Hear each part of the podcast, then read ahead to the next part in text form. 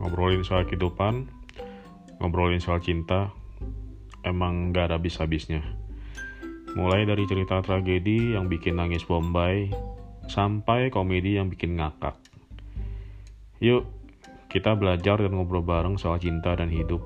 Belajar mencintai diri sendiri, dan menertawakan kehidupan bareng sama Love Quest.